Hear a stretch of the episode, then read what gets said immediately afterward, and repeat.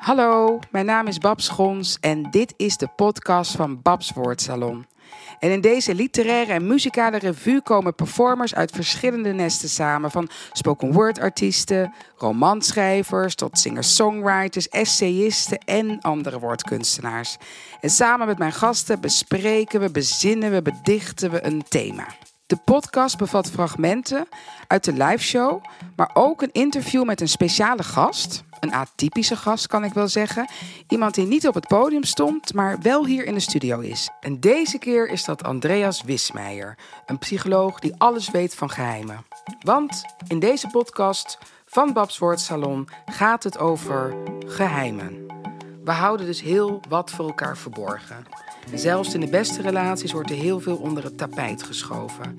We houden ons het liefst stil over affaires, onze browsergeschiedenis, seksuele geaardheid, schulden, gênante ziektes, verslavingen en verlangens. We nodigden artiesten uit, zowel in de Tolhuistuin in Amsterdam als de Schuur in Haarlem, en vroegen hun om boekjes te openen, lijken uit de kast te halen en toch vooral zoveel mogelijk op te biechten om van hun hart geen moordkuil te maken. We gaan nu eerst luisteren naar een waar verhaal van Dennis Kuiper, de muziek van Mushroom Moses en spoken word van Danielle Tsawadi. Er waren vroeger twee dingen waar mijn vader niet met mij over sprak: de moord op zijn vader en de moord die hem in de gevangenis deed belanden.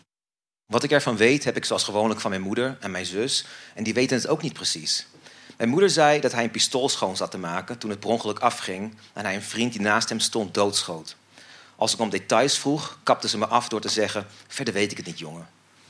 Ik heb lang tegen dit stuk aangehikt. Ik weet dat ik deze twee moorden moet beschrijven. Niet alleen omdat ze een onmisbaar onderdeel vormen van mijn vaders leven en daardoor van belang zijn voor deze vertelling, maar vooral omdat zijn vaderschap erdoor bepaald werd.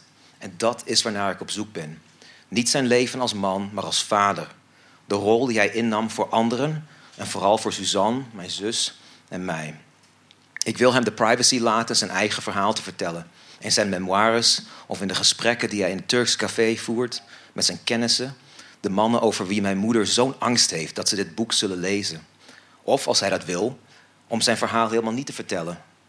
Dus de voornaamste kwestie waarmee ik kamp is deze. Hoe beschrijf ik de twee moorden op een manier die mijn vertelling voortzet zonder onjuistheden te verspreiden? Als kind goot ik deze ongrijpbare leegte in de geschiedenis van mijn vader in simpele termen. Hij had de man gedood die zijn vader had gedood.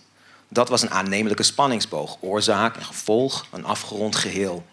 Maar in het echte leven worden de zaken zelden zo netjes opgelost. Uiteindelijk kies ik niet voor hoe mijn moeder beweert dat mijn vader in de gevangenis is beland. Zijn pistool ging per ongeluk af toen hij het schoonmaakte. Maar wat Suzanne me vertelt. Op een middag, als hij met Seda, zijn verloofde, tussen de hazelaars loopt, ziet hij zijn broers verzonken in een middagdutje. Boven hun hoofd zijn de bomen gevuld met mussen. Mijn vader reikt in zijn zak, waar hij het pistool bewaart dat hij een paar weken eerder aan zijn vriend ontfutselde. Hij schiet een mus uit de boom. Een klein wolkje bloedspetters en veren valt omlaag. Zoveel mussen stijgen in paniek op uit de bomen dat de zon verduisterd wordt. Seda slaakt een kreet en valt op haar knieën. De broers, hun gezichten bleek weggetrokken, springen overeind en grijpen hun stok. Van achter de boerderij komt Miriam, hun moeder, aangerend maar mijn vader loopt haar zonder uitleg voorbij. Die avond wacht hij Volkan, de man die zijn vader doodde, op buiten het café. De zomer nadert zijn einde. De mussen zijn vertrokken. Van de mieren dwaalt nog een enkeling over het fornuis of de eettafel. Zijn moeder drukt zich gedachteloos plat met haar duim. Het maanlicht voelt voor het eerst in weken koel en hij kan weer helder denken of een poging daartoe wagen. Dit had ik eerder moeten doen, vermaant hij zichzelf als de deur van het café opengaat en zijn vinger om de trekker sluit van het pistool dat verborgen zit onder zijn colbert. Zijn hele lichaam spant zich aan, maar het is niet Volkan die naar buiten strompelt. Mijn vader gromt van frustratie. Hij heeft geen geduld om de hele avond te wachten. Pal naast de deur stelt hij zich op en roept: Volkan, laat je zien. Binnen hoort hij de slager lachen, maar hij weet niet of Volkan hen gehoord heeft boven het gedruis van de cafégangers uit. Hij brult opnieuw en de deur wordt opengeworpen. Daar, tegen het verblindende licht, staat de slager. Een monumentaal beest dat de geur van bloed, zweet, rakken en tabak met zich meedraagt. De reus die door geen koe of geit te verslaan is. Mijn vader schiet hem in de borst. De figuur die voor hem neervalt is veel kleiner dan de slager. Het is of Volkan op slag is gekrompen als de mieren die opkrullen wanneer Miriam ze platdrukt. Mijn vader stapt in het licht en ziet de zoon van de caféhouder op de grond liggen. Een jongen van amper 16 jaar oud. Naast hem ligt de houten emmer water die hij op zijn schouder droeg en waarmee zijn vader de bar had aangeveegd. Zijn bloed vermengt zich met het vieze water en in het maanlicht lijken beide zwart.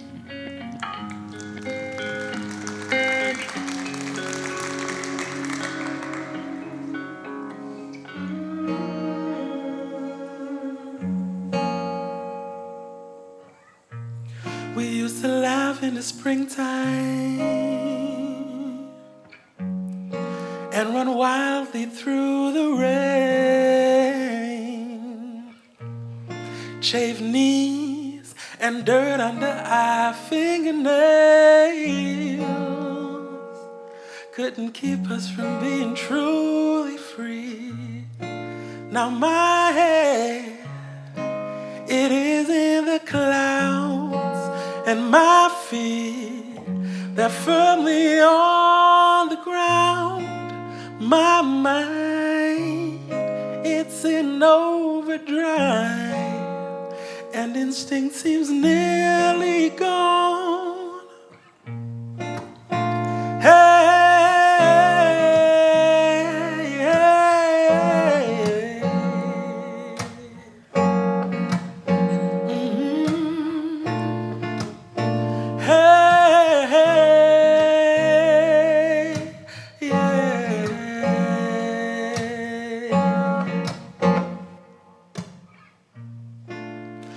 Voice trembles with fear. Numbers rule your core.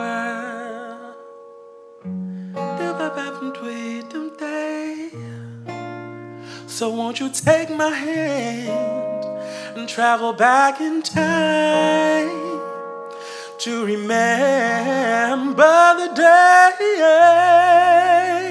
days, the breeze, the love,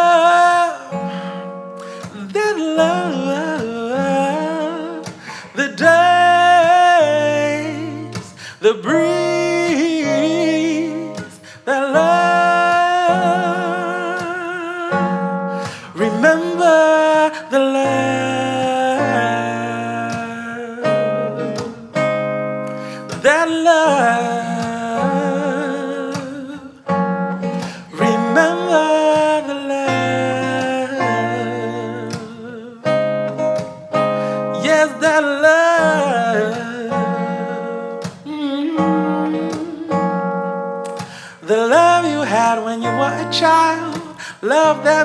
you feel alive. Just remember that love. The love you felt when you were high. Love that made you want to taste the sky. Remember the love, the days, the breeze, the love.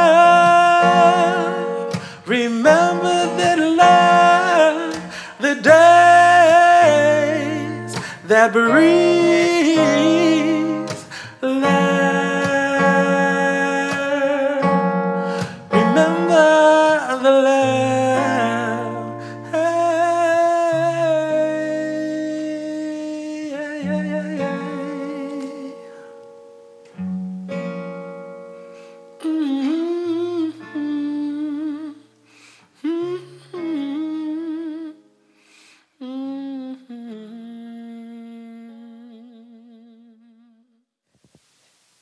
Ik was eh, laatst in de tram het gesprek tussen twee vrienden aan het afluisteren. En de luide vroeg aan de stille waarom die altijd zo stil is. En het antwoord van die stille hoorde ik door de OW-chipkaartvrouw niet. Ik hoorde de luide wel heel hard lachen. En de tram, dat is eigenlijk de stratenveger van de maatschappij. Er worden hier wetten en regels gemaakt en na de uitcheck is die magie weer voorbij. En in de praktijk betekent dat dus dat de luide de baas is en de stille op sollicitatiegesprek is en een puber verderop met een smartphone een broadcasting station is. En wie ik ben, dat zeg ik later wel. Want het sollicitatiegesprek dat begint nu al eenmaal. En de luider die begint met vragen van... waarom ben je altijd zo stil? En heb je het wel gezellig of zo? Ben je bang of zo? Ik vraag me af wat je denkt en zo. En wanneer we nee zeggen in dit gesprek... wordt dat vertaald naar ja. En zo zijn er meerdere regels na de incheck. Het is een kunst dat je erop let. En vind je dit niet leuk, dan sluit je je aan bij het verzet. Bij de wat oudere dame die opstaat en die luide aanspreekt en zegt: Joh, laat hem gewoon even met rust dat hij niet zoveel praat zoals jij en ik. Maakt helemaal niets uit. En omdat ik dit Savior-complex zo geweldig vind, begin ik het applaus. En die puber doet een 360 close-ups op alle sterren. En online zullen sleutelfiguren je wel niet vertellen wat dit allemaal wel niet betekent. Wel niet vertellen hoe dapper die dame is, hoe getraumatiseerd de stille is, hoe gemeen de luide is en hoe lelijk de tram in Den Haag wel niet is. Want dit is erg dat we vandaag de dag geen vrienden met elkaar kunnen zijn. Dat we vandaag de dag elkaar niet in de ogen kunnen aankijken. Het is erg, we moeten onze vakanties naar Dubai nu ook cancelen. Terug in de tram geeft de baas mij de rol van advocaat. Ik moet die stille gaan verdedigen omdat ik de enige andere ben die ook niet zoveel praat. En voordat ik kan doen alsof ik geen Nederlands spreek, barst die baas uit in een hele luide preek. Zo van: Sorry, ik bedoel er helemaal niets slechts mee, maar ik dacht dat je niets kon, want dat dacht ik eerst ook. En word je nou niet boos? Ik moet er bij de volgende halte uit. De baas steekt zijn hand voor de check uit, zegt dat ik er niet uit mag voordat ik mijn mening luid. Dus de tram rijdt voorbij. Ik ben nog niet uitgecheckt uit dat gesprek. En dan, hier is die dan. Hè. Wanneer mensen hard roepen, wanneer ze bang zijn en niet weten wie ze zijn, dat is ook een kunst. Denk daarover na wanneer je me weer eens een keer stil ziet. Want ik ben een kunstliefhebber, meer niet.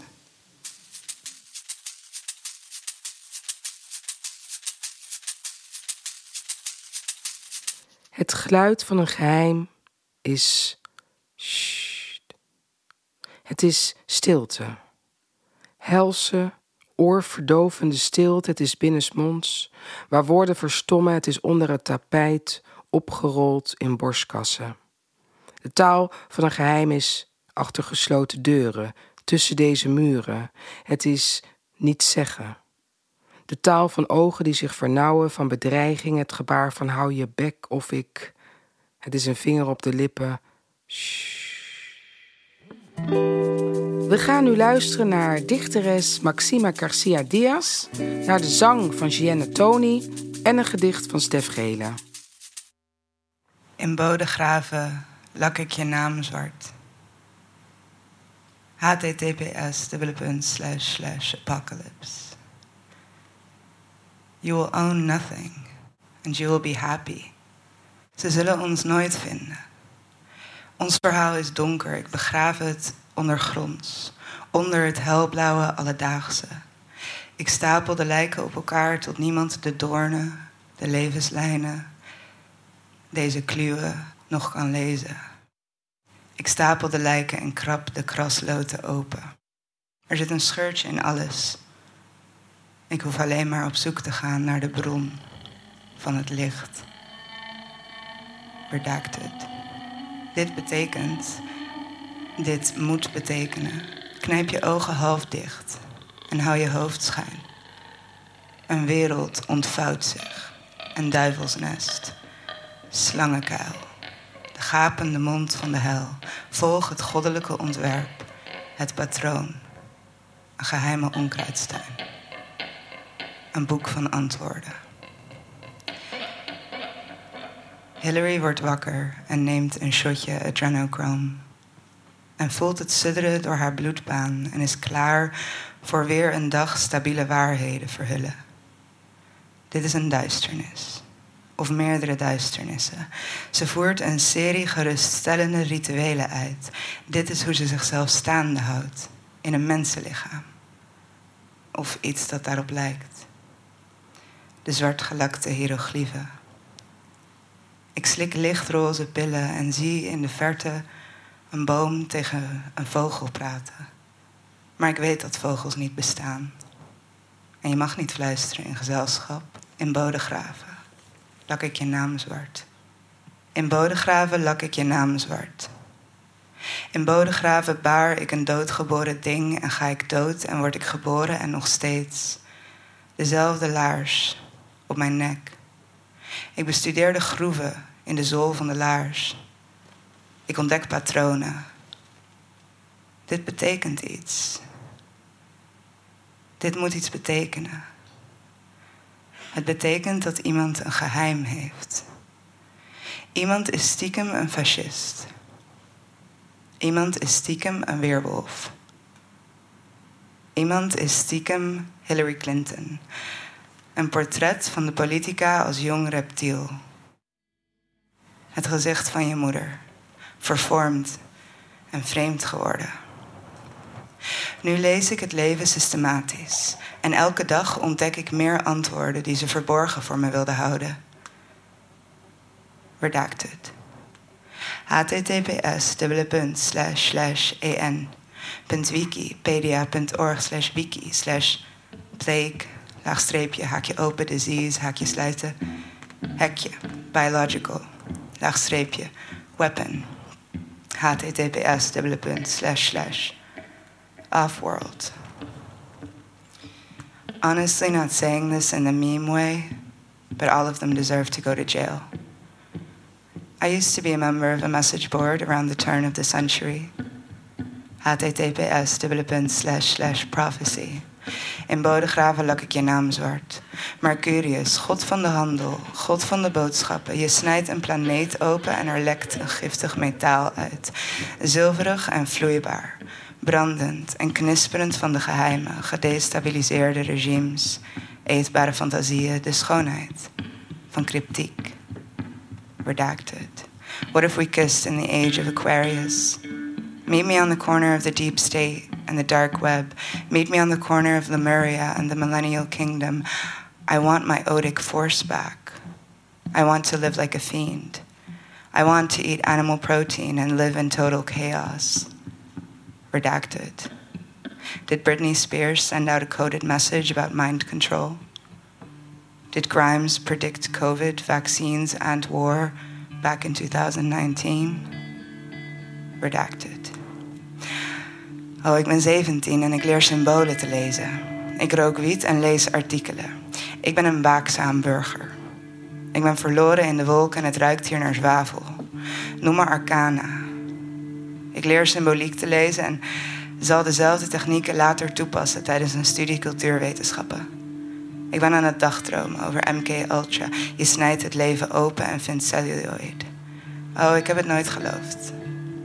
Niet echt. Maar het was wel leuk voor een tijdje. Dat er een geheim was dat verteld kon worden. Oh, er wonen minstens vijf mensen in mijn hoofd. En ze zijn me allemaal van binnen aan het gangstalken. En ik wil dat dit allemaal iets betekent. In plaats dat het, van dat het gewoon willekeurig vreselijk is. De laars op mijn nek. Het trillen van mijn handen. Weet je, this world is wicked and upside down. They are going down fast, and they know it. The great cleansing of the world is at hand. Maybe their plan is secure and about to end or take a next step. They feel in power for sure. Is it because pigs are said to be biologically close to humans? Already, some people look like monsters. He's either a demon or he has a legion of demons inside him. Buckle up. Jesus is coming. Https disclosure. In Bodegraven eet ik kennis als een bezetene. En negeer de houdbaarheidsdatum en de blauwe schimmel. Ik schrijf een boek van antwoorden. En ze zullen me nooit ontcijferen. De laars op mijn nek. https en.wiki pedia.org slash wiki slash black laagstreepje moon. The ascended masters assemble. The skyscrapers swarm. Baby, don't you know I'm an ancient astronaut and I spill my own angelic blood like water. Let's wage war on the high capital of hell. You will know nothing, and you will be happy. Hillary wordt wakker. En wordt weer wakker en wordt weer wakker. In de verte hoort ze het lawaai van het tribunaal. Het vuurpeloton. Redacted. In Bodegraven ben ik een jong reptiel en nog steeds de laars op mijn nek. Ben ik een supercomputer en nog steeds de laars op mijn nek. Heb ik de lichtroze pilletjes gegeten als een bezetene en nog steeds is daar de wereld. Naakt en braakliggend, met haar vrede bleke beenderen en hoe ze draait en iets in haar hart. Dat ooit een geheim was. Maar lang verwrongen en vervormd is en me nu vragend aanstaart. Het betekent iets. Het moet iets betekenen. In Bodegraven heeft het restaurant geen kelder. Staat er niets achter het gordijn. En wat als er geen bodem is die uit de wereld kan vallen? De gezichten van de slechterikken doods en leeg en onschuldig als dieren. Ze hebben geen grootse alchemie, hopeloos vrede, ronde wereld, zonder rand om je aan vast te houden. Ik vouw het briefje met het geheim open en er staat niets op het papier. Https revelation. Ze zullen ons nooit vinden. Ik wikkel ons helblauwe verhaal in het tons van dode talen en begraaf het onder het grootste geheim dat ik ken in het diepste deel van mijn lichaam. Ik lak het zwart. I am not alone here. I am never alone. There is something else here. I hope there is something else here. In Bodegraven wil ik dat de complot in mijn gezelschap houden. De hemel is te wijds en stil anders. Ik staar naar de helblauwe leegte en begin haar te betekenen. Oh, oh, oh, oh, oh, oh, oh, oh. Ik wil geen geheim zijn. Ik wil met je zijn of niet. Ik ben geen keuze.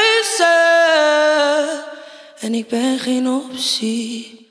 Oh, oh, oh, oh, oh, oh, oh, oh, oh. Verboden vrucht, denk je aan mij als jij haar kust. Oh, oh. Laat me gaan, ik kom niet meer terug. Oh, oh. Ik wil geen geheim zijn. Ik kom met je zijn of niet. Ik ben geen keuze en ik ben geen optie. Oh, oh, oh. Verboden vrucht. Weet zij wat jij doet achter haar rug? Oh, mm, oh. Jij zet haar, je zet haar gewoon voor schut. Oh, oh, oh. Als ik een lied kon maken over hoe wij liefde maakten, dan deed ik dat. Ik zou met je showen hand in hand met je lopen door de stad. Maar verboden blijft verboden, jij bent niet toegestaan. Oh, ik laat je gaan. Oh, Ik wil geen geheim zijn. Ik wil met je zijn of niet. Ik ben geen keuze en ik ben geen optie. Nee, ik ben geen optie. Nee, ik ben geen optie. Nee, ik ben geen optie. Nee, ik ben geen optie.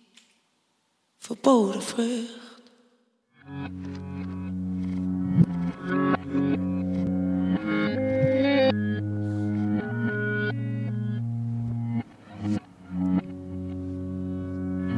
Omdat alle andere versies van mij uitgeput zijn. Ik doe mijn best me niet verdacht te gedragen. Ik houd halt bij alles wat rood gloeit, zoomt, tikt en knippert. Eerst vallen haar ogen als, knip, als knikkers uit de kassen. De smalle handen sprinten onmiddellijk op de vingers weg. De longen, leeggelopen feestballonnen, stop ik in mijn boodschappentas. Alleen de baarmoeder in mijn borstzak, dicht bij het hart. Ik volg haar langs schuttingen, coniferen, bakstenen, aangeharkte plantsoenen. Vensters waardoor levens omlijst. Zij wordt telkens minder, eiler. Haar schaduw suggereert nog enkel een vrouw. In het park haal ik haar tevoorschijn. Ik graaf een kuil voor alles wat ooit dragen moest. Borsten of nageslacht of vluchtwegen. De mond stottert nog wat onverstaanbaar. De oren lege kalebassen met enkel de echo. Mooie benen, schatje. Benen, schatje. Schatje, schatje. Schatje, schatje. Schatje, schatje. Het is even stil. Dan komt mijn moeder in opstand tegen dit gedicht. Zij wil weten of zij het is die hier begraven wordt. Wijzend naar het lichaam dat ik hier zomaar warm en naakt. Mijn vader vindt het gewelddadig. Valt deze vrouw domweg uit elkaar of is er sprake van moord? Je kunt het beter voor jezelf houden, zegt hij. Niet de vrouw, maar deze onthulling met aarde bedekken. Haar ontknoping is waar ik begin. Ik dwaal in danspas door dezelfde stad en zing: Een vrouw is niet onwrikbaar. Alles van vlees kent vloed.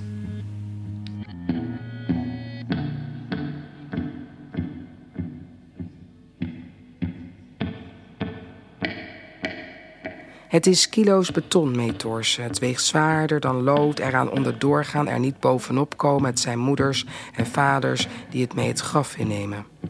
Het is medeplichtigheid, schuldig. Vreet je langzaam op van binnen het geluid van paniek. Het is bonnetjes in jaszakken, parfum, lippenstift, berichtjes in de nacht. Het is eenzaam. Het is verdriet, het is genootschap, gemeente, bravoure, gegichel en geroddel.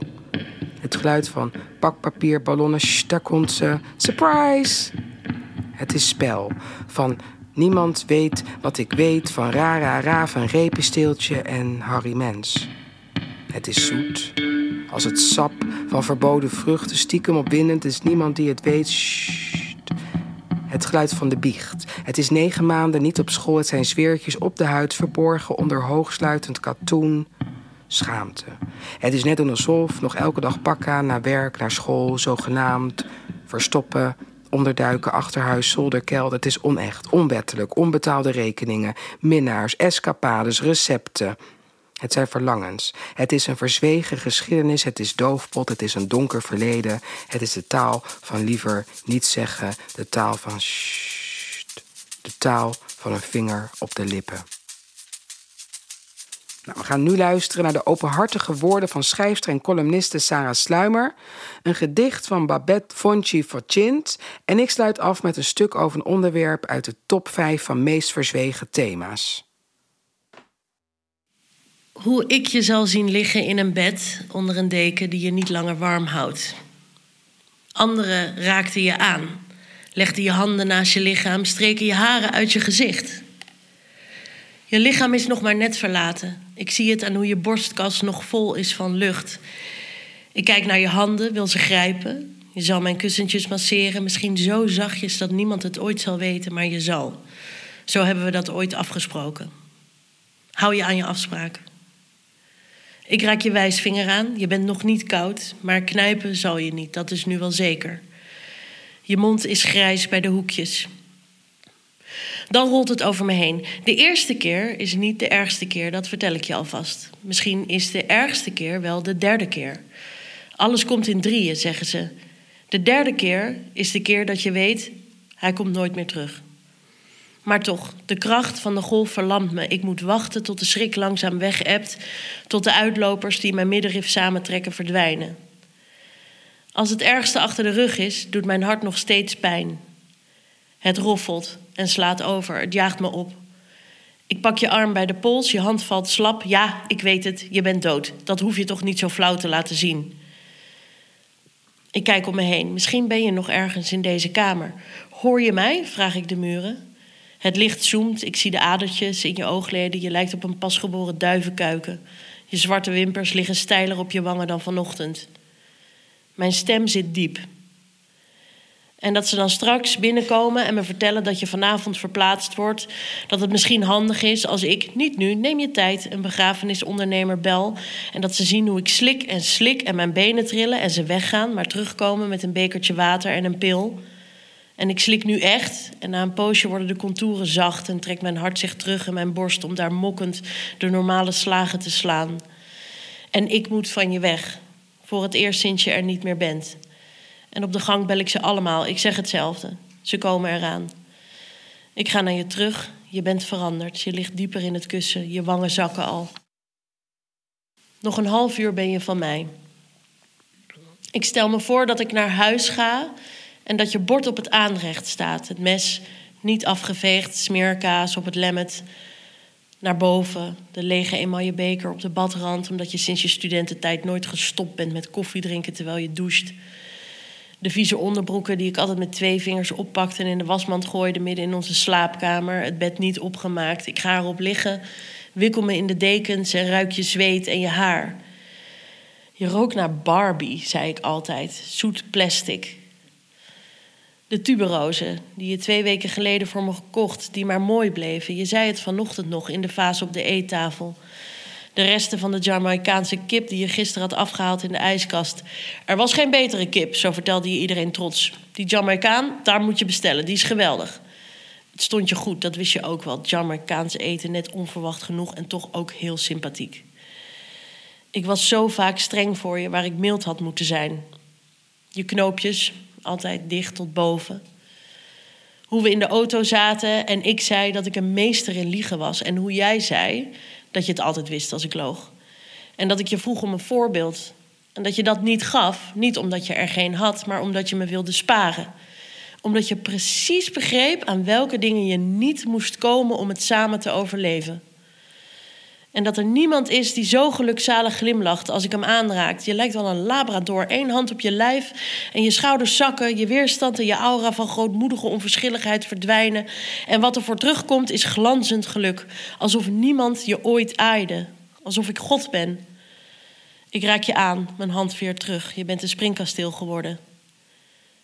Hoe ik nu in mijn eentje smaak moet hebben dat ik een bakje olijfje, eh, olijven zal kopen bij een van die kleine kraampjes in de stad.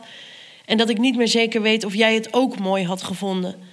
En dat ik kleren zal aanschaffen bij dezelfde winkels als waar jij dat deed. En dat ik zal nadenken over hoe helder je altijd was. In wat mij stond. Kleren die iets zeiden over wie ik ben. Kleren zonder compromis. En dat ik tussen de rekken dwaal en niet meer weet wat daaraan voldoet.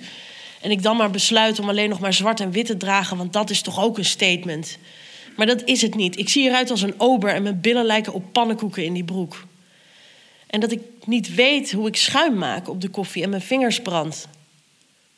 De derde golf maakt me bijna dood. En dat je me niet meer brengt naar mijn afspraken met de psychiater. Het was niet goed dat je dat deed. Psychiaterbezoek moet eenzaam zijn. Misschien bracht je me wel om me er bewust van te maken dat je er altijd zou zijn, wat die psychiater ook voor rare dingen in mijn hoofd zou planten. En dat ik al mijn vrienden ver heb laten afdrijven omdat er echt niemand anders nodig was dan jij en dat niemand me meer kan inhalen. Want er is nu te veel pijn om ze bij te praten, om ze onderdeel te maken van wie ik ben geworden. Eigenlijk weet ik niet eens meer wie ik dan ben. Er is alleen maar dat woest pompende hart dat pas stil wordt als ik het witte pilletje slik. Ik had jou nodig om een waardig mens te zijn. Dit krassen verberg ik niet. Met een mes op zak keer ik terug naar het huis van mijn ouders. Deze keer zonder pruik, zonder zonnebril. Deze keer niet het leven dat van mij had kunnen zijn, aanschouwend vanaf de overkant van de straat. De albums met mijn babyfoto's liggen in mijn moeders kledingkast. Dat hoorde ik van mijn zusje. Ik kan de vingerafdrukloze laag stof bijna voelen. Eronder houdt mijn moeder me stevig vast. Zwart-rood, geruit broekpak, zilveren oorclips en een getoupeerde afro. Een kopie van haar in dezelfde outfit. En het beeld van hoe ik op driejarige leeftijd lippenstift op mijn vaders voorhoofd smeer. Het bewijs dat hij kan lachen ligt ook in de kledingkast. We zullen elkaar nooit meer zien. Mijn ouders, mij niet meer. Ik, de foto's niet meer. Ik, mijn ouders niet meer. Mij rest één optie. In de boom waarachter ik me schuil hield, kras ik al mijn gegeven namen. Elke ochtend op weg naar hun werk lopen zij er langs.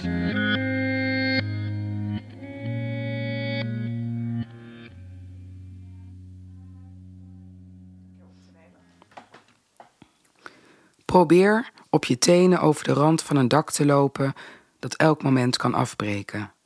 Of met je gehele lichaam door een moeras te waden, je ogen te openen, verlicht zo fel dat het als splinters je ogen inboort. Of wat dacht je van glimlachen terwijl je mondhoeken zijn vastgenaaid? Heb je wel eens een deur geopend onder water? Of geprobeerd naar de supermarkt te gaan terwijl je bent gebroken? Of simpelweg op te staan uit bed terwijl de zwaartekracht je in de nacht heeft verlaten? Misschien begrijp je het niet, want je ziet het niet. Maar in mijn bottenhuis de pijn van mijn voorouders. Onder mijn huid wordt een strijd geleverd. En misschien zie je het niet, maar ik sleep mee al het zeer van mezelf, van de wereld, van de scheiding van mijn ouders. En misschien begrijp je het niet, want je ziet het niet aan ons. Maar wij slepen mee het spuug van de kinderen in de pauze. De vingers van ooms krijgen we nooit meer afgewassen, maar vaker nog gewoon, zomaar, zonder reden, daarom, ook zonder wolken verdwijnt soms de zon. En misschien begrijp je het niet, want je ziet het niet. Wat is er toch? Je ziet er zo goed uit. Er is niets. Oh, gelukkig. Nee, er is niets. Dat is juist het probleem. We voeden niets, er is niets, we zijn doodsbang voor niets en daarom lachen wij vaak net iets harder dan de rest. Doen we net iets harder ons best en we minstens een kwartier te vroeg hebben voor iedereen mueslirepen mee voor onderweg, een trui voor als het koud wordt. Altijd iets extra om extra aardig, lief, behulpzaam, vrolijk voor jou, voor jullie, om jullie ongemak weg te nemen, de aandacht af te wenden, om onzichtbaar te worden. Maar als we thuiskomen, doen we de gordijnen dicht en komen onze gebroken vleugels tevoorschijn. Zodra we de drempel overstappen, vallen we uit de plooi en kletteren onze maskers op de keukenvloer. En het voelt soms echt als verdrinken in een aquarium, ook al zit je gewoon in de huiskamer. Het voelt soms echt als een vrachtwagen die over je heen rijdt, ook al zitten we in de bus, de enige persoon op aarde zijn, al staan we op een feestje, omringd door mensen verscholen achter een te grote glimlach. We verpesten het feestje niet. We sluipen liever eerder weg of bellen vijf minuten van tevoren af, omdat we in onze chaotische klerenkast niet het juiste masker kunnen vinden. We glimlachen jouw ongemak weg, omdat we weten hoe het is om het te moeten benoemen, er met ons over te moeten praten. We denken aan jou, de familie, de buurt en we duwen onszelf onzichtbaar weg om het hoekje. We dansen met alle macht mee op het ritme om maar niet te hoeven uitleggen dat we soms de melodie kwijt zijn. Dat we constant misgrijpen en rondlopen met handen vol met lucht. Dat een blik, een woord, een moment de druppel kan zijn. Dat we als een geladen pistool op het nachtkastje liggen dat we constant op het randje staan. De ene dag leunen we naar de goede kant, de volgende dag vallen we naar beneden. En we horen iemand zeggen: vroeg naar bed. En iemand zegt: lekker op vakantie. En iemand zegt: meld je even een paar dagen ziek. En iemand zegt: ga naar de sportschool. En iemand zegt: wandelen is goed voor je. Yoga, begeef je onder de mensen. Elke dag een glas wijn. Verander je dieet. En iemand zegt: en iemand zegt en iemand zegt. En niemand luistert. Want hoe ga je in hemelsnaam naar de sportschool als je het niet meer ziet zitten? En iedereen zegt wel wat, maar hou ons verdorie gewoon even vast. Je hoeft het niet te begrijpen, maar bel ons een keer op en luister naar de pijn in onze botten, naar de strijd onder onze huid, maar luister vooral ook naar ons als we stil zijn. Juist als we stil zijn.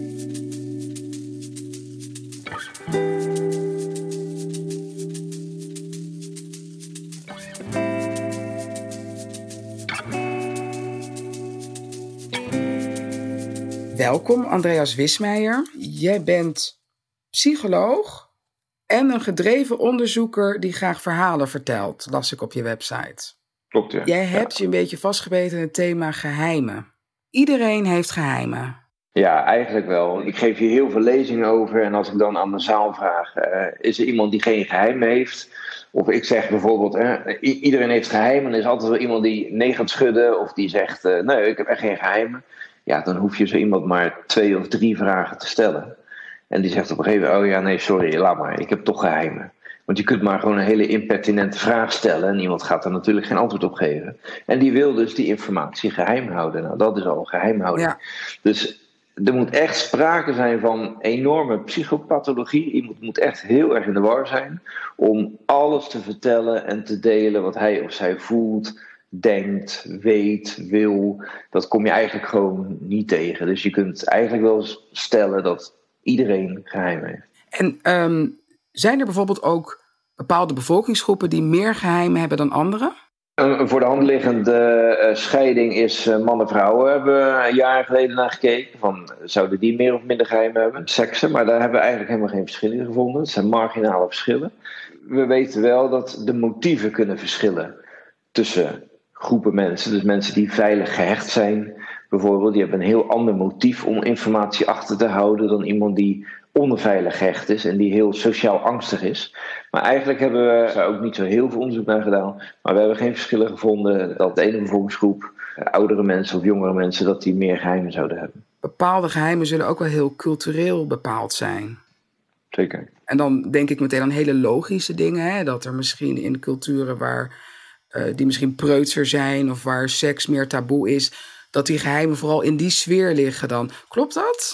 Ja, dat klopt zeker. Je ziet ook dat het nut en het doel van geheimen is eigenlijk over de tijd heen altijd hetzelfde gebleven. Met name jezelf beschermen tegen de negatieve reacties van anderen.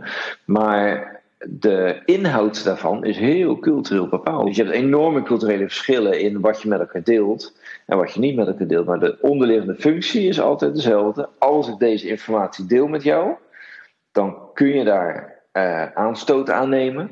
En dat kan leiden tot negatieve consequenties voor mij. En daarom besluit ik het geheim te houden. Dat is de functie van geheimhouden. Oké, dat is altijd zo. Dus het is eigenlijk een soort zelfbescherming. Je bent kwetsbaar als je de informatie deelt. Ja, er zijn ook nog wel andere redenen. Het is ook leuk om iets geheim te houden. Hè. Stel je bent zwanger en je weet over drie weken hebben we het familiefeest. Nou, dan zit je die drie weken helemaal te verheugen op het moment dat je het kunt vertellen. Daarnaast kan het ook nuttig zijn om informatie achter te houden. Bijvoorbeeld uh, je wilt uh, aandelen kopen van een bedrijf en jij hebt net gehoord via via dat uh, het bedrijf verkocht gaat worden binnenkort. Nou, dan kun je die, het beste die informatie achterhouden, maar wel snel aandelen kopen. Het, be het bezitten van informatie dat andere mensen niet hebben, kan jou een strategisch voordeel geven. Maar de belangrijkste reden, en dat is ook wel de reden die ik in mijn eigen werk steeds het meeste tegenkom, is dat mensen informatie achterhouden ter zelfbescherming of ook wel de bescherming van de ander. Maar vooral zelfbescherming. Ja. En schaamte, of valt dat eronder? Dat valt daaronder, want als je inderdaad aan mensen vraagt waarom hou je iets geheim, en je moet je voorstellen dat je dat nu uitspreekt, dat geheim, wat gaat er dan door je heen? Dan is op de eerste plaats veruit is dat schaamte.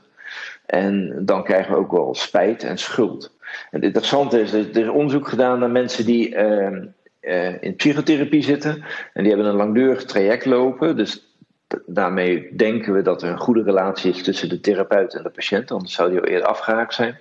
En dan blijkt na afloop van de therapie dat ongeveer de helft van de patiënten heeft aangegeven dat ze nog steeds informatie achterhouden voor de therapeut over het onderwerp waarvoor ze zelf hulp hebben gezocht. Wauw. Dan denk je, hoe kan dat nou? Je bent niet veiliger in de ruimte van de psychotherapeut.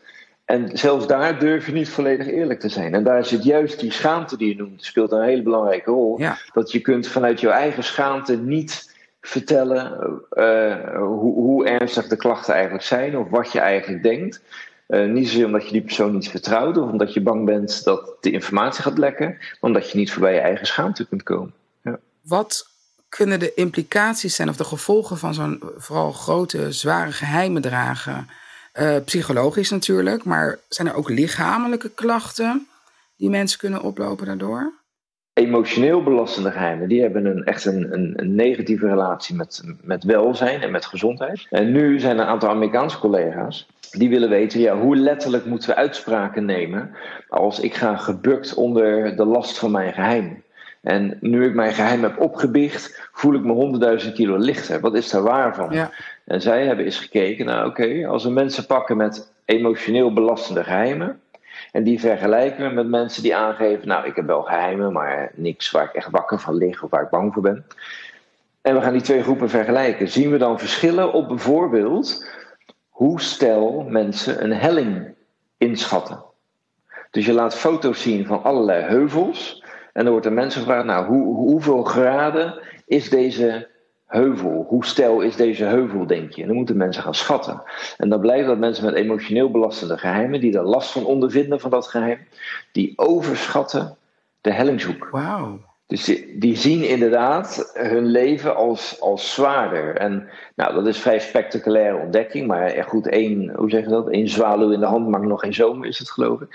Dus nou, goed wetenschappelijk gebruik zijn er meer studies naar gedaan op heel andere vlakken. Bijvoorbeeld mensen vragen hoeveel calorieën denkt u dat het kost om de auto te wassen. En om het gras te maaien en om de hecht te snoeien. En nou, dan blijkt weer dat mensen met emotioneel belastende geheimen... die overschatten het aantal calorieën dat het kost om dat soort activiteiten te doen. Ja, het leven is gewoon zwaarder voor hun. Zij ervaren het leven als zwaarder, ja, dat klopt. En we, we, we, denken ook wel een mechanisme te hebben, een kandidaat die dat verklaart. Want is natuurlijk de vraag, maar hoe dan?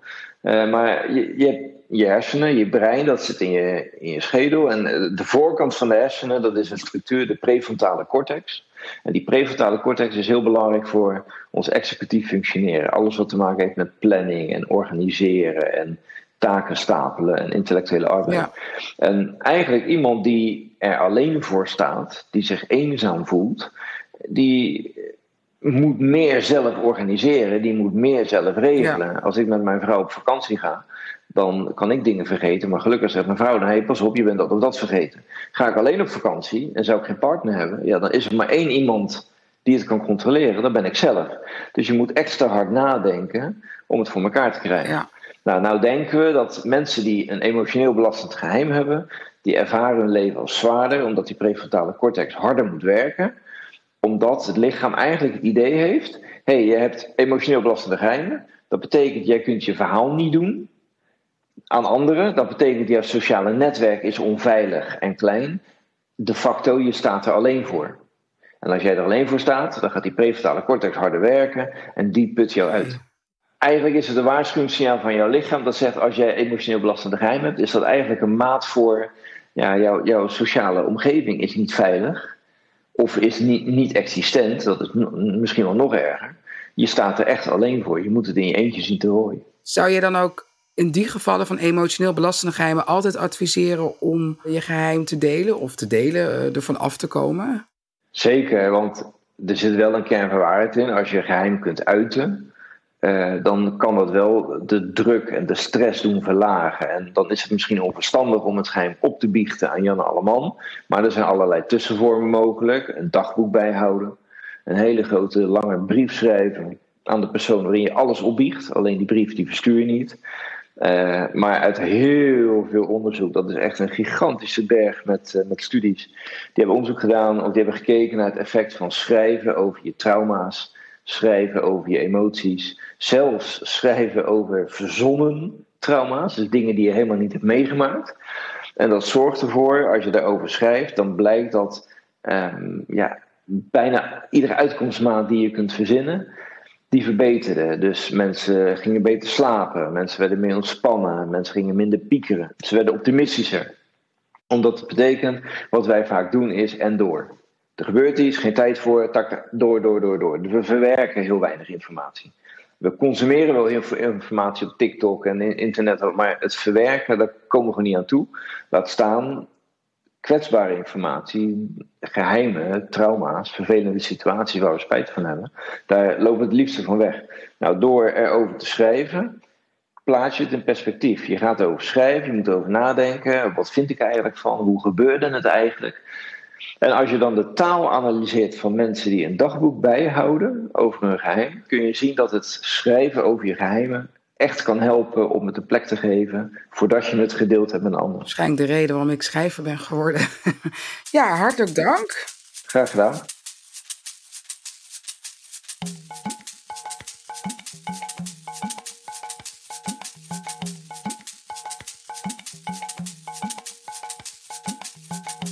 Je hebt geluisterd naar de podcast van Babs Woordsalon. Babs Woordsalon is een productie van SLA, Stichting Literaire Activiteit Amsterdam. Een concept van Mike van Wetten en Babs Gons. en wordt mede mogelijk gemaakt door het Letterenfonds en het Lira-fonds. Wil je Babs Woordsalon bijwonen? Kijk dan op onze Facebookpagina of de website van SLA of toets Babs Woordsalon in op je zoekbalk. En als laatste wil ik nog even zeggen dat de productie en sounddesign in handen zijn van Meerte Hartland.